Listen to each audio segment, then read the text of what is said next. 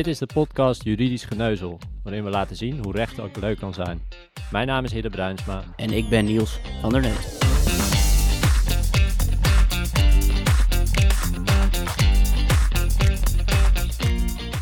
Tien jaar geleden begonnen wij samen aan de studie recht aan de UvA. Als uh, vrienden gingen wij door de bachelor. En al snel bleek ik een stuk minder talent voor het recht te hebben dan Niels. En na mijn studie ging ik zo snel mogelijk aan de slag met andere dingen. Uiteindelijk ontwikkelde ik mij tot uh, freelancer, of om in de woorden van Niels te spreken, nieuwe zelfstandige. En ik ben wat meer de klassieke werker, of om in de woorden van Hidde te spreken, loonslaaf. Sinds 2017 ben ik fulltime werkzaam bij de Universiteit van Amsterdam als promovendus arbeidsrecht. En dit werk doe ik nog altijd met heel veel plezier. Ondanks de verschillende richtingen bleven wij vrienden en zijn we zelfs huisgenoten geweest. De afgelopen jaren hebben wij gemerkt dat mensen het recht eng, ongrijpbaar of zelfs vreselijk saai vinden. Met deze podcast willen we dan ook op een toegankelijke manier laten zien hoe het recht in elkaar zit en dat recht ook leuk kan zijn.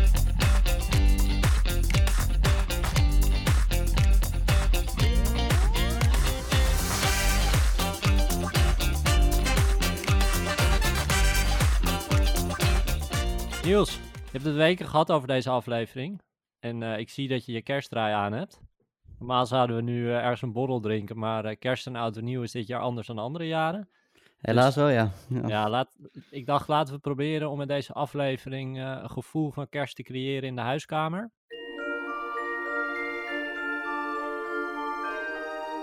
En ja, volgens mij wordt het ook dit jaar op de werkvloer anders. Het is natuurlijk al een heel ander jaar dan normaal.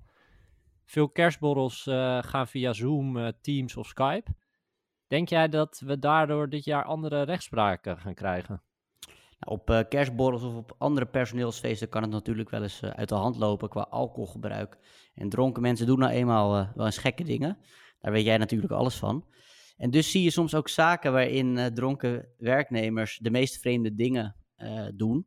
Ja, dat ga je denk ik nu wel anders zien. Ik denk toch wel dat dat, dat via een Zoom of een Teams dat mensen zich minder gaan, gaan misdragen. Is het trouwens leuk anders als ik er even eentje kort uh, bespreek?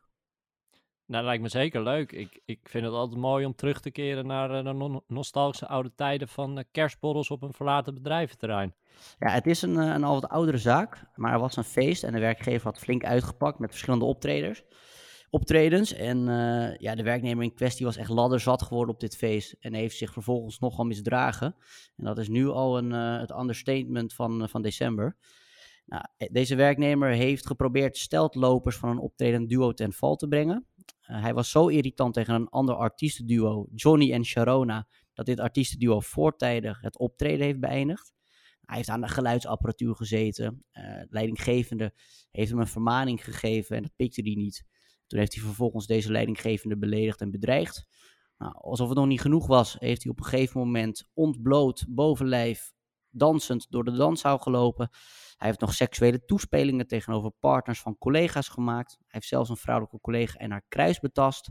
En om het geheel waardig af te sluiten, heeft hij tegen een tafel in het danszaal staan plassen. Nou, eenmaal nuchter begreep deze werknemer natuurlijk ook wel dat het niet zo slim was. Maar ondanks zijn excuses werd hij op staande voet ontslagen. Nou, dat soort zaken gaan we dus uh, niet terugzien dit jaar, denk ik. En uh, volgende aflevering uh, gaan we het hebben over ontslag op staande voet. Volgens mij gaan er nog wel meer van zulke smeuïge zaken langskomen. Zeker, ja. Ontslag op staande voet is wel garant voor, uh, voor dit soort uh, feitencomplexen. Ja, mooi. Vandaag gaan we het hebben over de feestdagen. En uh, jij zit als promovendus natuurlijk lekker thuis, want de UvA is gesloten tussen kerst en oud en nieuw. Merry Christmas! Maar wat nou als je moet werken op bijvoorbeeld eerste kerstdag of nieuwjaarsdag? Mag dat dan? Er bestaat geen wet dat werknemers op feestdagen automatisch vrij zijn. Uh, toch zijn de meeste mensen vrij en de regels staan overstaan vaak in een CAO of eventueel in de arbeidsovereenkomst of personeelshandboek. Nou, er staat dan bijvoorbeeld in dat de werknemer vrij is op eerste en tweede kerstdag en uh, nieuwjaarsdag. Er staat dan vaak ook dat er het salaris wordt behouden. Uh, er staat er soms een voorwaarde dat dat wel weer moet zijn op een doordeweekse dag, dus niet op een, een weekenddag. Maar er zijn natuurlijk ook gewoon mensen die moeten werken. Ziekenhuispersoneel, politie of natuurlijk de kok die jouw afhaalkerstmaaltijd moet bereiden. Mm. Yummy. En wat nou als zo'n kok vrij wil op eerste kerstdag? Nou, het uitgangspunt bij een uh, verlofaanvraag is dat de werkgever dit moet goedkeuren. Het geldt voor een lang weekend in, eh, in maart, de zomervakantie en ook voor kerst. Nou, als een werkgever niet binnen twee weken reageert op een verlofaanvraag, dan wordt aangenomen dat de werkgever goedkeuring heeft gegeven. Nou, als een werkgever wel binnen twee weken reageert, kan hij een verlofaanvraag weigeren als hij een gewichtige reden heeft. Zeg maar gewoon gerust een uh, zwaarwegend bedrijfsbelang. Maar als al het keukenpersoneel vrijwel op eerste kerstdag, ja, je kunt je natuurlijk voorstellen, de, de maaltijden bereiden zich niet vanzelf. En dat leidt tot een verstoring van de bedrijfsvoering. Nou, een werkgever weet het natuurlijk ver van tevoren al. En je ziet dan ook vaak dat er wordt gevraagd naar de voorkeuren van de werknemers. En een rooster wordt gemaakt wanneer wie moet uh, werken met de feestdagen. En als die kok moet werken op eerste kerstdag, heeft hij dan recht op een extra beloning?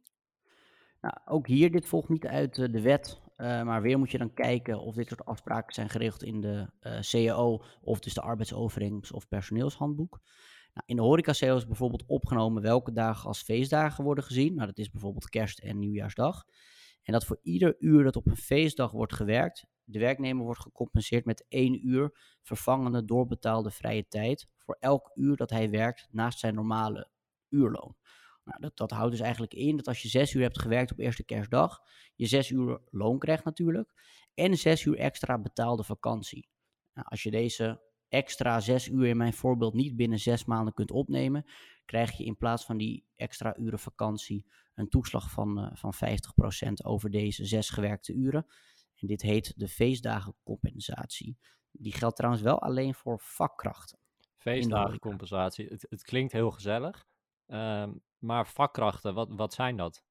Ja, dit is een uh, term die in de ho horeca-CAO voorkomt. Uh, en een vakkracht is een vakervaren werknemer die 18 jaar of ouder is, een erkend vakdiploma heeft voor die functie, dus bijvoorbeeld een koksopleiding met succes heeft afgerond, en aantoonbaar voldoende ervaringsuren heeft. En er wordt dan in die CAO gezegd dat het in ieder geval voldoende is als je minstens 1976 uur hebt gewerkt. Dus als ik als bijbaantje in horeca werk, dan krijg ik in principe niet zo'n mooie feestdagencompensatie. Nee, niet op basis van de, de horeca-CO, nee, dat klopt. En dan de andere kant van de medaille. Wat als je wilt werken, maar je moet van je werkgever verplicht vrijnemen? Nou, een werkgever mag verplichte vrijdagen aanwijzen. Maar een werkgever kan niet zomaar op vrijdagmiddag bedenken... nou, uh, ik wil dat iedereen aankomende dinsdag een verplichte vrije dag neemt... want ik zie dat het niet zo druk is. Nee, dit moet dan wel in de CAO of in de arbeidsovereenkomst staan. Je ziet bijvoorbeeld in de bouw en in het onderwijs dat het heel normaal is. En dan worden eigenlijk bijna alle vrije dagen door de werkgever bepaald. Dan een heel ander onderwerp, kerstpakketten en de dertiende maand. We spraken hierover met Niels Jansen, universitair docent aan de Universiteit van Amsterdam. En hij is gepromoveerd op het onderwerp de representativiteit van vakbonden in het arbeidsvoorwaardenoverleg. En hij zei hierover het volgende. Nou kijk, het ontwerpen van arbeidsvoorwaarden, dat is van oudsher een taak van werkgevers en werknemers. En dan met name sociale partners. Dat zijn werkgeversorganisaties en uh, vakbonden. En je ziet dan dat de wet ook niet veel meer bevat dan wat uh, minimumregelingen op het terrein van bijvoorbeeld minimumloon, vakantie en uh, werk- en rusttijden. Nou, de dekkingsgraad van cao's is in Nederland vrij hoog. En dat brengt mee dat de wetgever ook niet zo heel veel hoeft te doen. Of in elk geval niet zo heel actief hoeft te zijn op dat terrein van die arbeidsvoorwaardenvorming. Maar tegelijkertijd brengt een dekkingsgraad van 80% mee dat niet iedereen onder het bereik van een CAO valt. En voor die witte vlekken zijn wettelijke regelingen wel nodig. En dat is ook precies de reden dat de wetgever soms wel wat regelt. En kijk, vanuit Europa wordt bijvoorbeeld de eis gesteld dat iedereen recht heeft op betaalde vakantie van vier weken. En ja, dat brengt mee dat de wetgever dan toch wel een wettelijke regeling moet om, om bevatten uh, over vakantie. En dat niet alleen kan overlaten aan cao's. Nou, in de wet is dus bijvoorbeeld ook niks geregeld over eindejaarsuitkeringen of een dertiende maand of kerstpakketten of uh, nou ja, wat je ook kan bedenken op het moment dat de jaarwisseling eraan komt en de kerstboom weer opgetuigd wordt. Maar dat soort afspraken kunnen wel degelijk in cao's voorkomen en zeker ook in arbeidsovereenkomsten. Nou ja, om te kijken of dat uh, uh, voor een individuele werknemer van toepassing is, nou, dan zul je dus door het CO-boekje moeten spitten, door, door personeelsgidsen moeten spitten of goed in de arbeidsovereenkomst moeten kijken. Want het zou best wel kunnen zijn dat daar toch wel iets over geregeld is, ook al zwijgt de wet daar verder over. Heb jij nog aanvullingen op je collega Niels? Nou, wat Niels Jansen zegt klopt natuurlijk. Maar stel nou dat er niets over de dertiende maand bijvoorbeeld staat geregeld in een CAO, arbeidsovereenkomst of personeelshandboek dan kan het recht op een dertiende maand stilzwijgend zijn ontstaan. Nou, dit blijkt uit het Ponmeijer-arrest, een arrest uit 2018. En de Hoge Raad overwoog dat een arbeidsvoorwaarde, en een dertiende maand is een arbeidsvoorwaarde, kan ontstaan door bestendig gebruik. En dat houdt in dat gedurende een zekere tijd een bepaalde gedragslijn wordt gevolgd. En dat komt er dan eigenlijk op aan wat de werknemer en werkgever aan elkaars gedragingen en verklaringen hebben toegekend. En in de omstandigheden van het geval daaraan redelijkerwijs mochten toekennen. En waar moet je dan precies naar kijken om te bepalen of zo'n gedragslijn leidt tot een, uh, tot een arbeidsvoorwaarde? Nou, de Hoge Raad heeft in hetzelfde uh arrest een aantal gezichtspunten geformuleerd, waarnaar gekeken kan worden. Het gaat om zes gezichtspunten. Eén, de inhoud van de gedragslijn. Twee, de aard van de arbeidsovereenkomst en de positie die de werkgever en werknemer tegen elkaar innemen. Drie, hoe lang de gedragslijn is gevolgd. Vier, wat de werknemer en werkgever tegen elkaar hebben verklaard of juist niet hebben verklaard. Vijf, de aard van de voor- en nadelen die voor de werknemer en werkgever uit de gedragslijn voortvloeien. En tot slot zes, de aard en omvang van de kring van de werknemers tegen wie de gedragslijn is gevolgd. Nou, dit zijn gezichtspunten, dus geen harde regels. Maar waar het wel toe kan leiden, is dat als de werkgever, zonder dat dit uit de CAO of arbeidsovereenkomst volgt, al bijvoorbeeld zes jaar lang een dertiende maand uitkeert en daarbij niet opmerkt dat hij dit bijvoorbeeld doet vanwege een goed jaar, dat zo'n betaling stilzwijgend leidt tot een arbeidsvoorwaarde. Nou, als de werkgever dan het zevende jaar, om maar in mijn voorbeeld te blijven, ineens geen dertiende maand betaalt, kan de werknemer dit afdwingen, want hij heeft hierdoor een, uh, ja, een bestendige gedragslijn recht op. En dit geldt dus voor alle arbeidsvoorwaarden? Dat klopt, ja. Heb je nog een paar andere voorbeelden waar dit speelt? Dit kan bijvoorbeeld ook spelen bij een bonus. Een bonus lijkt natuurlijk een beetje op een dertiende maand. Maar het verschil is dat een bonus vaak afhankelijk is van een bepaalde prestatie of bepaalde prestaties. Nou, ook kan dit spelen bij loondoorbetaling bij ziekte. Uh, in Nederland is het zo, even kort door de bocht, dat een werknemer bij ziekte gedurende twee jaar lang recht heeft op minstens 70% van zijn loon. Nou, in de CO of arbeidsovereenkomst kan die 70% zijn verhoogd tot bijvoorbeeld 90 of 100 procent. Dat kan gedurende het eerste jaar zijn, gedurende een half jaar, maar ook de hele periode van twee jaar.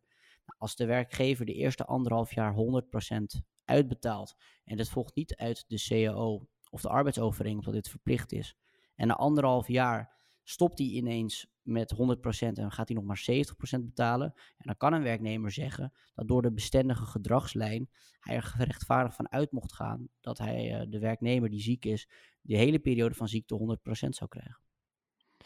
En mag je trouwens, dit schiet me opeens te binnen, de ene werknemer wel een dertiende maand geven en de andere niet? Nou, je mag werknemers niet zomaar uitsluiten. Um, dat is wel een, een, goede vraag. Maar in het arbeidsrecht geldt het principe gelijke arbeid, gelijke loon. En het is dan ook niet mogelijk om een dertiende maand alleen uit te keren aan bijvoorbeeld werknemers met een uh, vast contract. En hoe zit het dan met een kerstpakket? Hebben werknemers daar altijd recht op? Nou, ook hier is de eerste stap of dit is opgenomen in de CAO, arbeidsovereenkomst of bijvoorbeeld een personeelshandboek. Nou, is dat niet het geval, dan val je terug weer op het uh, Ponmeijer-arrest. Er is sprake van een bestendige gedragslijn. Ten aanzien van kerstpakket is dan weer het vijfde gezin, gezichtspunt uh, erg interessant.